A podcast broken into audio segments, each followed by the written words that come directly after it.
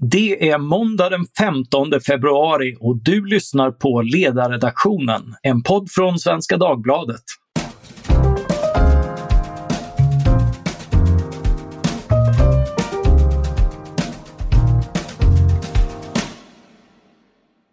Jag heter Mattias Svensson och dagens ämne är skatter och skattereform.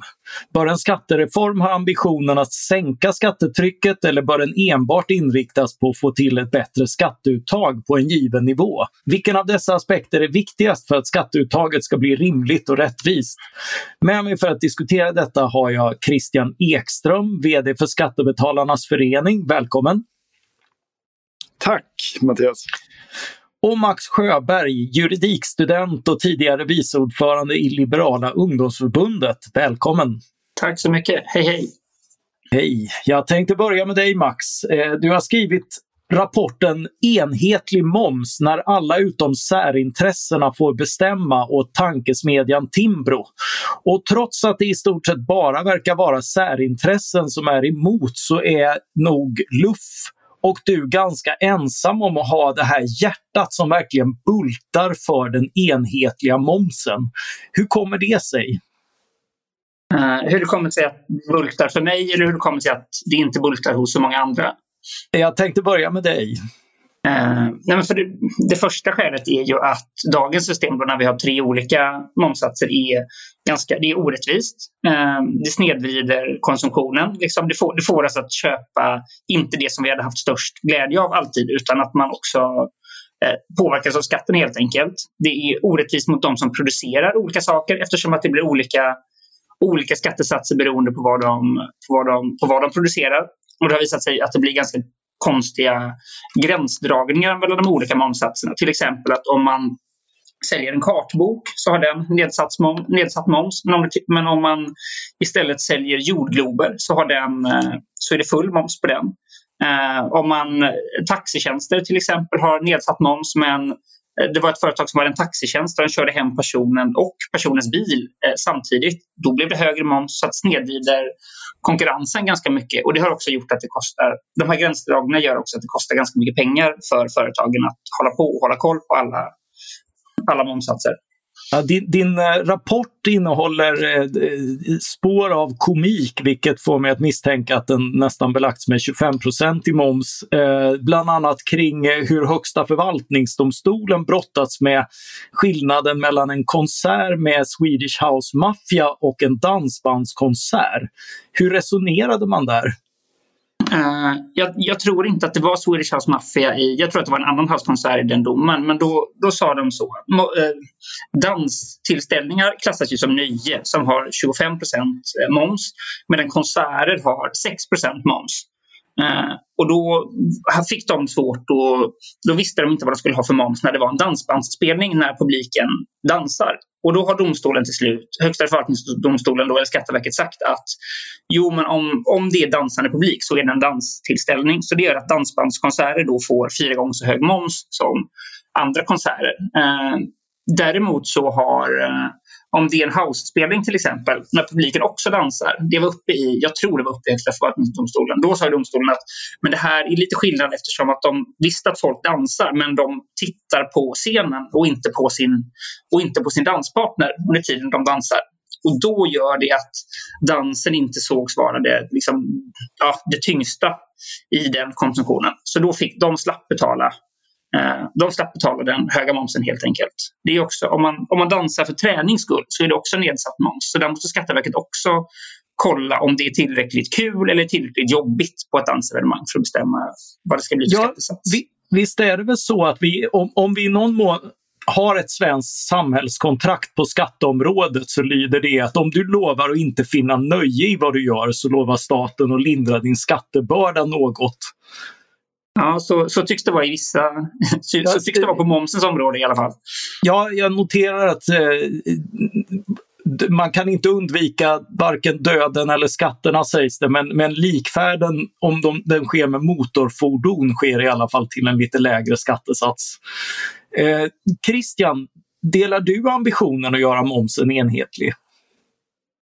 Så det finns ju starka skäl. Vi är ju inte så mycket för att höja, så det beror på hur, hur en, vad den enhetliga momsen skulle landa på. Men, men eh, om det inte handlar om att höja utan snarare om att sänka skatten totalt så har jag ingenting emot en enhetlig moms. Tvärtom så slipper man ju då de här bisarra gränsdragningsproblemen som, som Max här nämnde.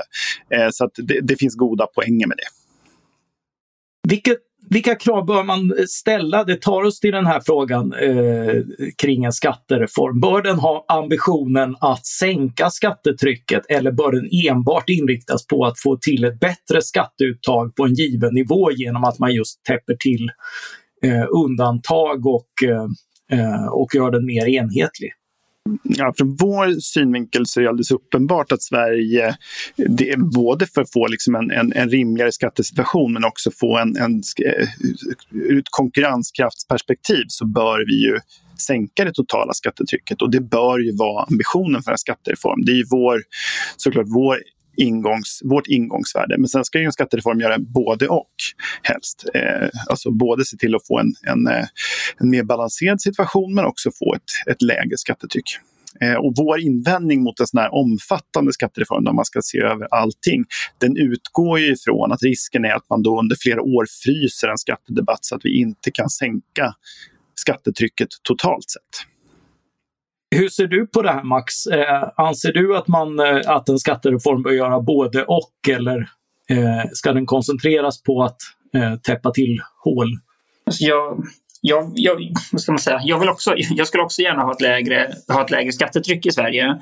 Och jag tänker att det är väl så. De, de partierna som vill ha det kan ju kanske gå in med den utgångspunkten och Socialdemokraterna då, som kommer behöva vara med på det kommer gå in med motsatt utgångspunkt. Jag tror, ändå, jag tror typ ändå inte att det kommer bli så. Jag tycker kanske att en ganska bra utgångspunkt är just att när man, när man gör en sån här stor reform där man ska se över liksom systemet, hur är det effektivt, hur blir det rättvist?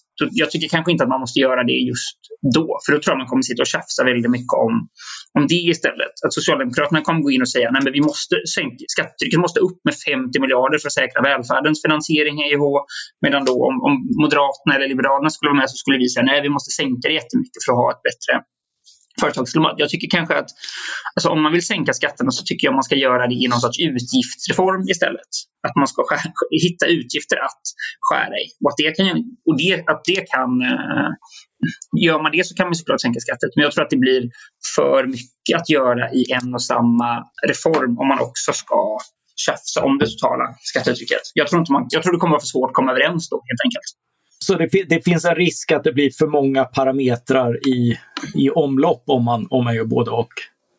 Ja, det tror jag. Ja. Och det är just därför jag skulle säga att man ska låta bli en enda stor skattereform. Man kan göra många små istället. Det eh, tror jag vore smartare. Då är det ja, borde det inte vara läge för två stora skattereformer eh, där vi då gör en, eh, en, en eh, skattereform eh, kring som Max föreslår här med där man växlar ett antal minskade utgifter mot, mot lägre nivåer. Jo, jag, jag, tänk, jag tänker att den, den, första skattereformen där man kanske hittar men hur, hur får vi ett system som är så typ enhetligt och rättvist som möjligt. Det är ju en skattereform. Det andra med att sänka eller höja skatter det, det tänker jag är så vanlig finanspolitik. Det, får väl, det är väl de som styr som kommer göra det. Liksom. Att om, om S styr så kommer det bli höjd skatt. Om M styr så kommer det bli låg skatt. Liksom. Det kommer ju inte, oavsett vad man gör för skattereform så kommer det inte gå att låsa fast skattetrycket. Den regering sen som styr kommer ju vilja höja eller sänka mm. skatterna ändå. Om, om, vi tar den stora skattereformen 1990 som omfördelade skatter och det blev slutligen en uppgörelse bara mellan Socialdemokraterna och Folkpartiet. Eh, de, den sänkte skatten på arbete och försökte etablera principen hälften kvar, att ingen inkomst skulle leda till att staten tog mer än hälften. Eh, vilket förvisso snabbt urholkades. Eh, samtidigt höjdes momsen och ett antal undantag togs bort. Var det en välkommen förändring och är det en modell för hur man bör eh, kunna gå tillväga också nu? Alltså det, man ska minnas då att situationen var, även om vi har höga skatter även idag, så var situationen helt bizarr på slutet av 80-talet. Alltså vi hade jättehöga marginalskatter och brottades med liksom en dålig reallöneutveckling. Och så, så Sverige var i ett mycket risigare skick. Då var det, sense of urgency var mycket, mycket större då än vad det är nu, även om det finns mycket att ha synpunkter på nu. Eh, så att eh, det, det, det, var, det var ett annat läge då. Nu skulle man kunna ta det här steg för steg tror jag. Jag tror att risken med att låsa in sig i en, en stor skattereform där man ska se över allting samtidigt, det är att det blir för mycket att sälja, att det kommer ta för lång tid eller bli för, för bökigt. Eh, men det som Max var inne på tidigare är att man skulle börja med att titta på en utgiftsreform och sen skulle man kunna göra en skattereform i, i bitar och, och delar. Moderaternas förslag har ju varit att, blanda det just för att kunna få in ett inslag av... Vill man spela in sänkta skatter så är de finansierade av att man också diskuterar besparingsförslag. Mm. Ja, det är ju möjligt och sen finns det ju, man ska inte glömma bort det, även om man är väldigt försiktig med att räkna på dynamiska effekter så sa man ju nu när, när man tack vare framför allt då Liberalerna tog bort eh, den här tillfälliga skatten, värnskatten som vi hade i över 25 år. Då mm. skriver Finansdepartementet själva att den här reformen, man sänker skatten med 6 miljarder ungefär och samtidigt säger man att den på, ett, på några års sikt är helt självfinansierad. Det vill säga det kostade ingenting att ta bort den här skatten därför att den var så oerhört skadlig.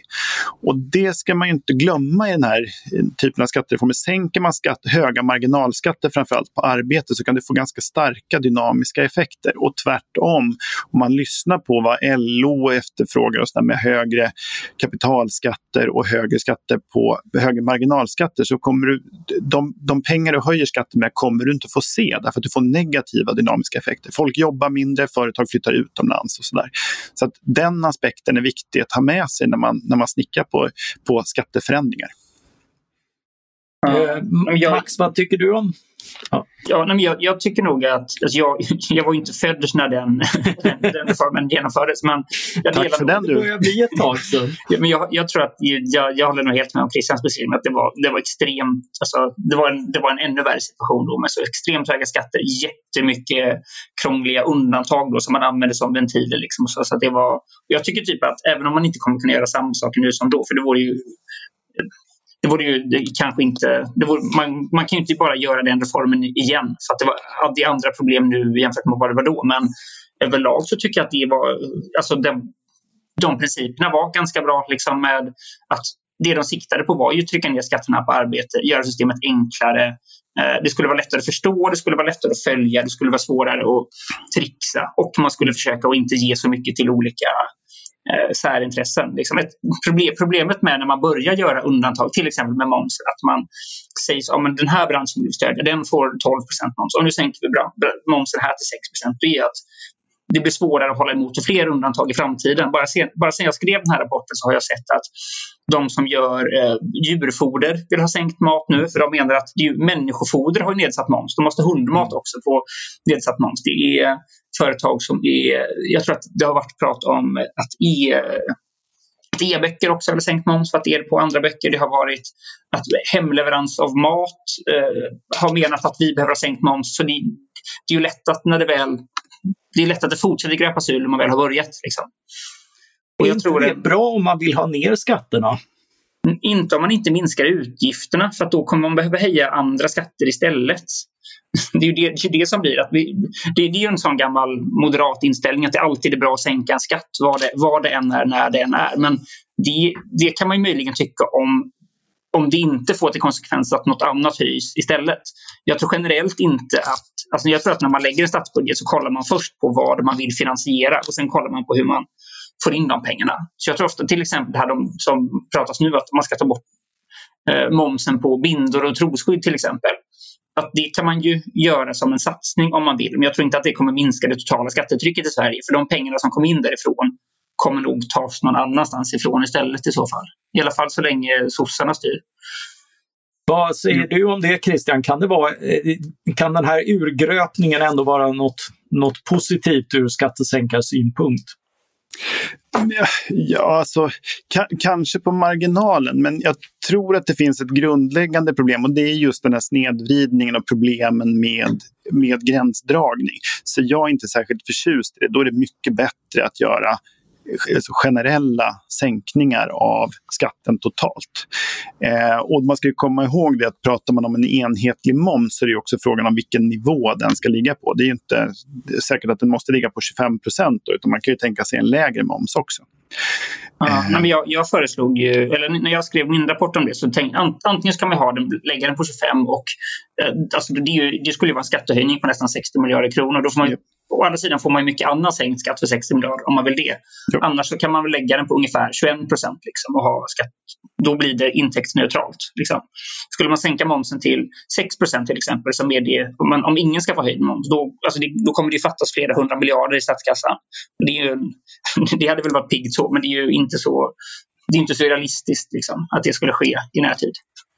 Nej, samtidigt när det saknas pengar i statskassan så är de ju istället i våra fickor. Det ska man inte heller glömma. Eh, som har jobbat ihop dem. Eh, men, men, men jag håller med dig. Och jag pratade med Claes Eklund. Som, sist jag var med i, i Ledarpodden här så diskuterade vi skattereform med Claes Eklund. Och hans förslag. Det går ju ut på, i huvudsak så ha, går hans reform ut på det stora skiftet han gör. Det är ju en enhetlig moms och istället då sänka skatten på, sänka marginalskatterna kraftigt och eh, göra ett, i princip då ett vad heter, jobbavdrag eller vad han kallar det, som är då en, en eh, att man skattebefriar de första 95 000 kronorna man tjänar. Och det är en oerhört betydelsefull reform. Alltså det, ju, det, skulle göra verklig skillnad. Han räknar ju med, och det är framförallt på den delen av förändringarna då som det skiftet skulle ge en eh, engångseffekt då på eh, en ökad tillväxt på BNP skulle öka med 1,4 procent. Och det är ju fantastiskt mycket pengar apropå dynamiska effekter. Är det, hur, hur är det med, finns, ser ni några eh, var finns de största behoven för att, att sänka skatter? Under förra skattereformen var det som sagt arbete. Är det, är det fortfarande arbete som är det, det mest beskattade och där vi, har, eh, där vi skulle få störst eh, utbyte? Av, av, nya sänkningar? Ja, det skulle jag säga. Det fortsatt så är ju arbete hårt beskattat. Och det är en annan intressant sak med eh, Claes Eklunds förslag. Man pratade ju då om, det var ju Skattebetalarnas förening som då på 80-talet drev den här kampanjen Hälften kvar som sen eh, blev också parollen för den här skattereformen. Men då har man ju helt glömt bort att räkna med arbetsgivaravgifterna som ju mm. är i stor utsträckning skatt. Framför allt då för vissa inkomster eftersom man bara i socialförsäkringssystemet får man inte ersättning om man tjänar över vissa brytpunkter. Och sen är ju hela allmänna löneavgiften, vilket är en tredjedel av arbetsgivaravgiften, är ju bara skatt. Och han säger då att den borde helt överföras till till lön för transparensens skull så att folk ser hur mycket de betalar. Och det vore ju också en en, en välgärning. Men överlag så borde skatten på arbete framförallt sänkas. Vi skulle behöva lägre kapitalskatter också, men arbete är nog mest prioriterat. Och det gäller ju både de höga marginalskatterna, de är fortfarande höga, även om vi har tagit bort värnskatten. Men det handlar också om att för att få, eh, som en, för att få in fler i arbetslivet så skulle man ju också behöva fler som Eh, att man skulle få jobba ihop mer pengar innan man betalar skatt. Det kostar väldigt mycket eftersom det är många som omfattas, men det vore viktigt eh, för att få fler i arbete. Jag tänk, om, om, om vi vänder på det, nu förstår jag att du, du vill inte gärna ge staten ett lillfinger därför att, eh, därför att den tenderar att ta De har hela, redan tagit min hand. hela handen. uh, särskilt om det är ett gott lillfinger som de har haft koll på länge som fastighetsskatten och sådär. Men jag måste ändå fråga, Eh, finns det några skattenivåer eller avdrag som inom ramen för en skattereform som inte ökar det totala skatteuttaget bör höjas? Som du ser det, är det till exempel för billigt att låna med alla avdrag jämfört med att spara och den typen av kritik? Ja, alltså problemet att de där ränteavdragen speglar ju också eh, ja, det speglar alltså, hur man gör investeringar i företag. Det, är lite svårt att komma runt. Det är inte fullt så enkelt att man bara kan fimpa ränteavdragen för det där är speglingar mot, eh, eh mot Eh, vad heter det, mot vinster i räntor och sådär. Så, det, ja, jag tror att man ska vara försiktig med det. Utan Sverige behöver sänkta skatter, men är det någonting man kan göra så är det ju som Max är inne på. Då är ju en enhetlig moms ett ganska enkelt sätt, för det har starka snedvridande effekter. Så, så är det någonting man kan stå ut med så är det ju där. Vi är inte särskilt förtjusta i fastighetsskatt av många olika skäl, men ett är ju, är ju det principiella. Ja, ja vilka, för, för det, vi diskuterar effektivitet här, men, men skatter handlar ju också om rättvisa och värdighet och, och rimlighet och lika behandling.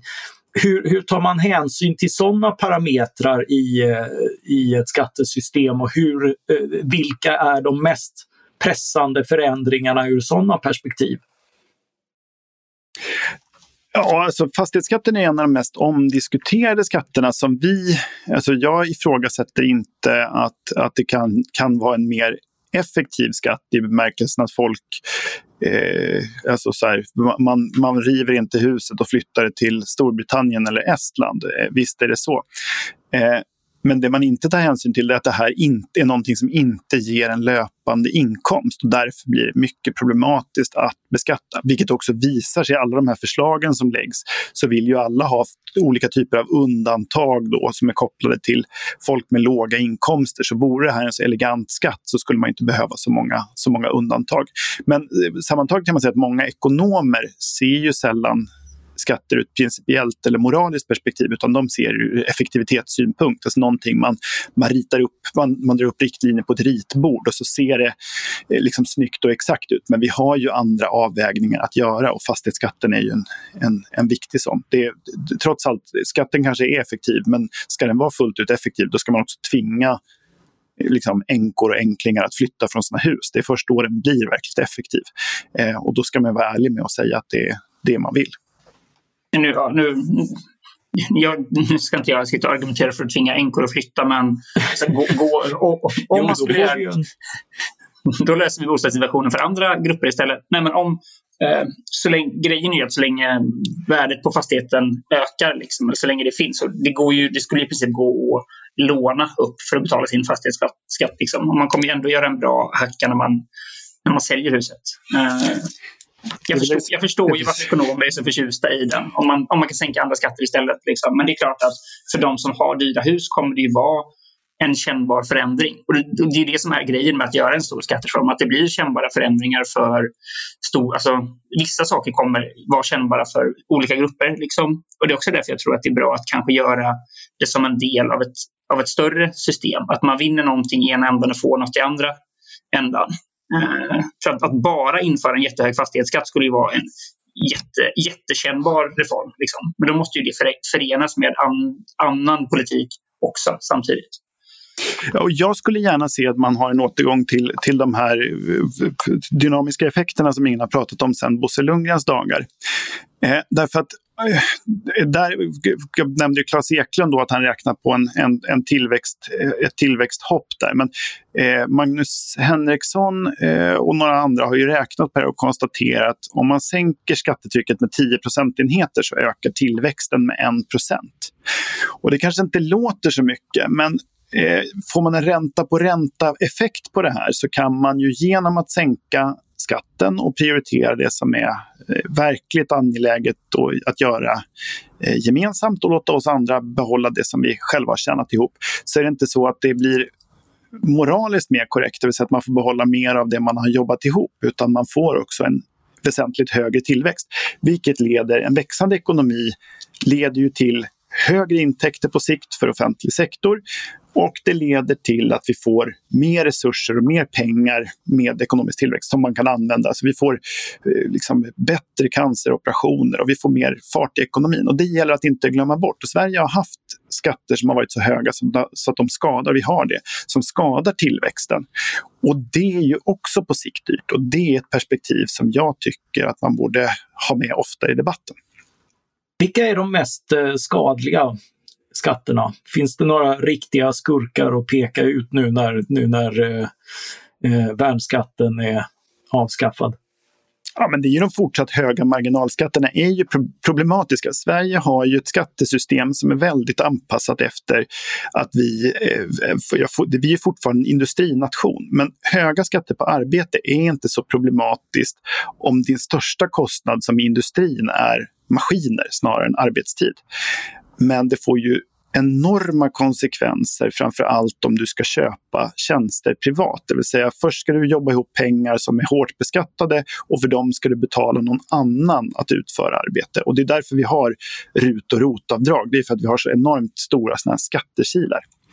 Så jag vill hävda att skatterna på arbete är en, en, en stor skurk. Sen finns det ju andra problematiska skatter som att man som är absurda, som plastpåseskatten är ju bisarr för att den liksom, inte ens regeringens utredning hävdar att den skulle ge någon som helst miljöeffekt. Eh, flygskatten har ju sam, är behäftad med samma typ av problem. Och sen liksom, vi beskattar snus trots att det, hälsoeffekterna är i, bäst, i värsta fall marginella. Så det finns ju mycket såna små bisarra saker. Men det, de kanske inte skadar ekonomin men de är ju, det är ju stötande exempel. Vad säger du Max, har du eh, några eh, skatter, eh, några höga skatter som, som verkligen behöver ner? Mm, nej, eller jag, jag skulle vilja, nu säger väl också ett sånt svar som jag inte gillar. Jag skulle vilja sänka alla skatter, men jag, jag, håller, nog, jag håller med om att skatten på arbete är det stora, det stora problemet. Och det är väl det jag tänker att om man, om man i en skattereform alltså, skruvar på lite saker och får in mer intäkter så, tyck, så tycker jag verkligen att nästan allt ska läggas på att sänka skatterna på, på arbete. Och det är, det är ganska dyrt och som Christian sa, det är ganska dyrt att sänka skatterna på arbete för alla. Liksom. Men det är ju också rätt att göra det. Och om det är dyrt så innebär det ju att många människor får mer pengar kvar. Och det är också något, det är något positivt. Ja, eh, jag, jag, tänker också det eh, med skatte, skattereformer. Sen, sen eh, brukar jag och Christian tala om för andra på rosémingel att eh, det är inte dyrt att sänka skatter, det är bara att staten avstår från eh, att ta pengar från oss. Det kostar ingenting. Exakt. Men det är en terminologifråga när man har beslutat om, eh, om utgifterna.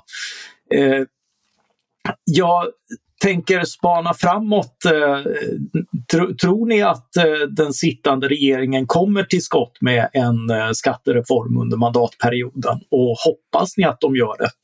Jag, jag tror att in, absolut inte det. Alltså det står ju i januariavtalet att de ska ha en skattereform men känns väl som en sån fråga som ingen har velat ta i riktigt. Eh, regeringen har fullt upp med annat. Liberalerna har, som, alltså jag tror att om den här kommer genomföras kommer det vara Liberalerna och sossarna som, som gör det. För att det är de två partierna som har mest varit intresserade av det här innan. Och Liberalerna har ju fullt upp med att distansera sig från regeringen. Så jag tror det är ganska, jag tror det är ganska liten chans tyvärr att det kommer något den här mandatperioden. Och det känns som att det, alltså det är för sent att börja nu. Man skulle ju dragit igång direkt när regeringen tillträdde i så fall. Ja, jag gör den bedömningen också. Jag, jag säger nej på båda frågorna. Det, det, kommer inte att hända och jag tror inte att det är önskvärt. Därför att jag tror att ingångsvärdena skulle bli fel. Och nu har man inte riktigt tid. Men eh, som jag tidigare sagt, jag tror att det finns en poäng i att börja med många små skattereformer. Det finns ju saker man kan göra och eh, som man kan finansiera. Så det vore ju inte, om man nu är rädd för att sänka skatterna, så gör en enhetlig moms och sänk skatterna på inkomst. Det är väl alldeles, eh, ett alldeles lysande början. Och sen så kan man ju beräkna då hur mycket eh, hur st stora dynamiska effekter det här ger och så kan man använda de pengarna till att sänka skatten ytterligare. Det är som en, en, skattesänkning perpetuum mobile. Man, man sänker en skatt så får man in så mycket pengar så man kan sänka skatten till, till, till noll. Nej, riktigt så funkar det naturligtvis inte, men, men du, just skatterna på arbete, där kan du få ganska stora dynamiska effekter. Och det tror jag att de flesta eh, som har tittat på det här är, är överens om, att vi har skadligt höga skatter på arbete. Men det finns en... Är det, inte, är, det inte, är det inte så att eh, när man gör budgetarna så räknar man dynamiska effekter på skattehöjningar men inte på skattesänkningar? Va? Visst är det så? Eh, precis. Eh, ja, vänta nu. Det är någon, man, sån, det är någon sån försiktighetsprincip? Ja, nej, nej, jag tror inte att det är riktigt så. Man räknar lång, inte på kort tid räknar man inte, men på lång tid nej. gör man prognoser som har försiktiga. De är inte så förtjusta i det här och i dynamiska effekter, så det man, räk, man räknar väldigt försiktigt. Men man räknar då med positiva dynamiska effekter mm. av eh, skattesänkningar. Man räknar inte med negativa dynamiska effekter långsiktigt och på skattehöjningar som jag förstår det. Mm. Och det är problematiskt för när man pillar i vissa skattenivåer så får det ganska snabba konsekvenser. Det är bara att titta på den här plastpåseskatten där, där man gjorde helt felaktiga antaganden om hur konsumenterna skulle reagera på det. Och det är också lite lömskt med skatter för plastpåseskatten säger man ju då att den var ju till både för att folk skulle använda mindre plastpåsar och för att man skulle få in pengar. Och någonstans får man ju välja för att antingen får man in pengar eller så får, slutar folk att använda plastpåsar. Det är liksom du får, du får nöja dig med en av effekterna. Men, men å andra sidan fick man fick väl lite båda nu. Det köps färre plastpåsar än innan, vilket innebär att vi köper färre påsar, men vi får in mer pengar än innan. För tidigare fick vi in noll.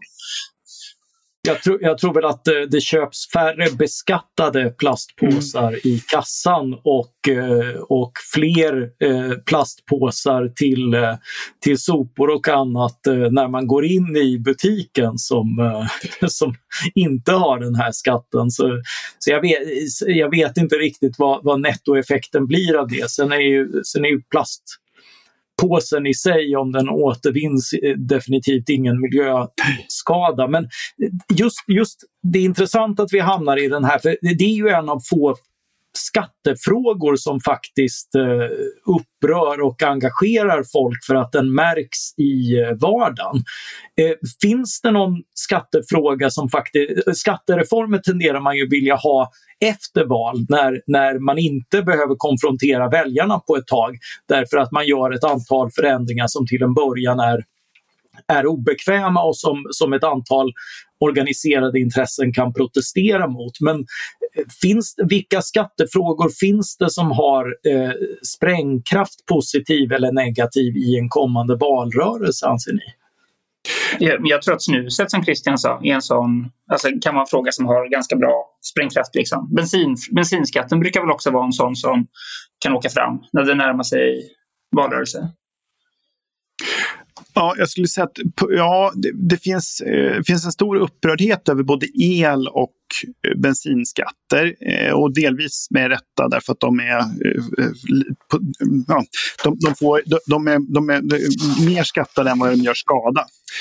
Eh, men eh, det är sånt som jag inte tror tippar ett val. Däremot har vi ju sett, och vi märker ju det som har liksom örat mot rälsen här, att fastighetsskatten har en enorm sprängkraft. Här är folk verkligen beredda att gå man ur huset. Och det märktes ju då inte minst inför valet 2006 som Göran Persson har hävdat förlorades på fastighetsskatten. Och det är därför Magdalena Andersson är nervös för den. Eh, så det är en skatt som har, eh, som har bra dragkraft en skatt som är mer problematisk och det är just värnskatten som inte avskaffades. Alltså, höga marginalskatter eh, har folk lättare att fördra. De som drabbas av dem eh, orkar inte protestera för att de tycker att det nästan känns skämmigt och det gör att det kostar i tillväxt. Vi borde ju ta bort hela den statliga inkomstskatten. Det finns ju det finns liksom ingen rättviseskäl att, att folk ska betala eh, mer än halva sin lön i, i, i, inkomstskatt och det ger heller inte så stora skatteintäkter. Men det är få som törs protestera. Så du hamnar i ett eh, ja, man hamnar i ett dilemma. Det är inte tillräckligt många som berörs och många tvärtom har gått på den här myten om att det skulle liksom vara rättvist att rika, det vill säga människor som tjänar då 40 000 i månaden eller någonting sånt där ska betala betalar alldeles för mycket skatt. Så det, det, där, har vi för lite, där är för lite protester medan fastighetsskatten är en, en sån fråga som, som bär. Sen är det väl ett problem där också med att, med att gå till val på sänkta skatter är väl att folk blir mycket, man blir mycket mindre arg om man förlorar, eller man blir mer arg av att förlora 1000 kronor än man blir glad av att få 1000 kronor i sänkt skatt. Exakt. Man är så förlust, eh, vad heter det? Ja, man är förlustavert liksom. Exakt. Men det är en intressant spaning att, att det är konsumtionsskatter som, eh, som tenderar att leda till, eh, till uppror. Eh, det, det, är ju gammalt, gammalt sen Whiskey Rebellion en gång i tiden i Amerika och, och gula västar och allting. Och samtidigt bygger i stort sett varje sån här skattereform på just att man höjer skatten ännu mer på konsumtion för att kunna sänka den på arbete. Eh, är, är det möjligen så att ett, ett, ett, en, en skattereform behöver den lugn och ro från, från valrörelsen för att kunna utformas klokt eller, eh, eller är det fel väg att, att gå att, eh, att höja på konsumtion för att kunna sänka på arbete? Vad, vad menar du? Ja, att, att om, om man nu protesterar, konsumtionsskatter är svåra att, eh, att höja och leder till stora protester.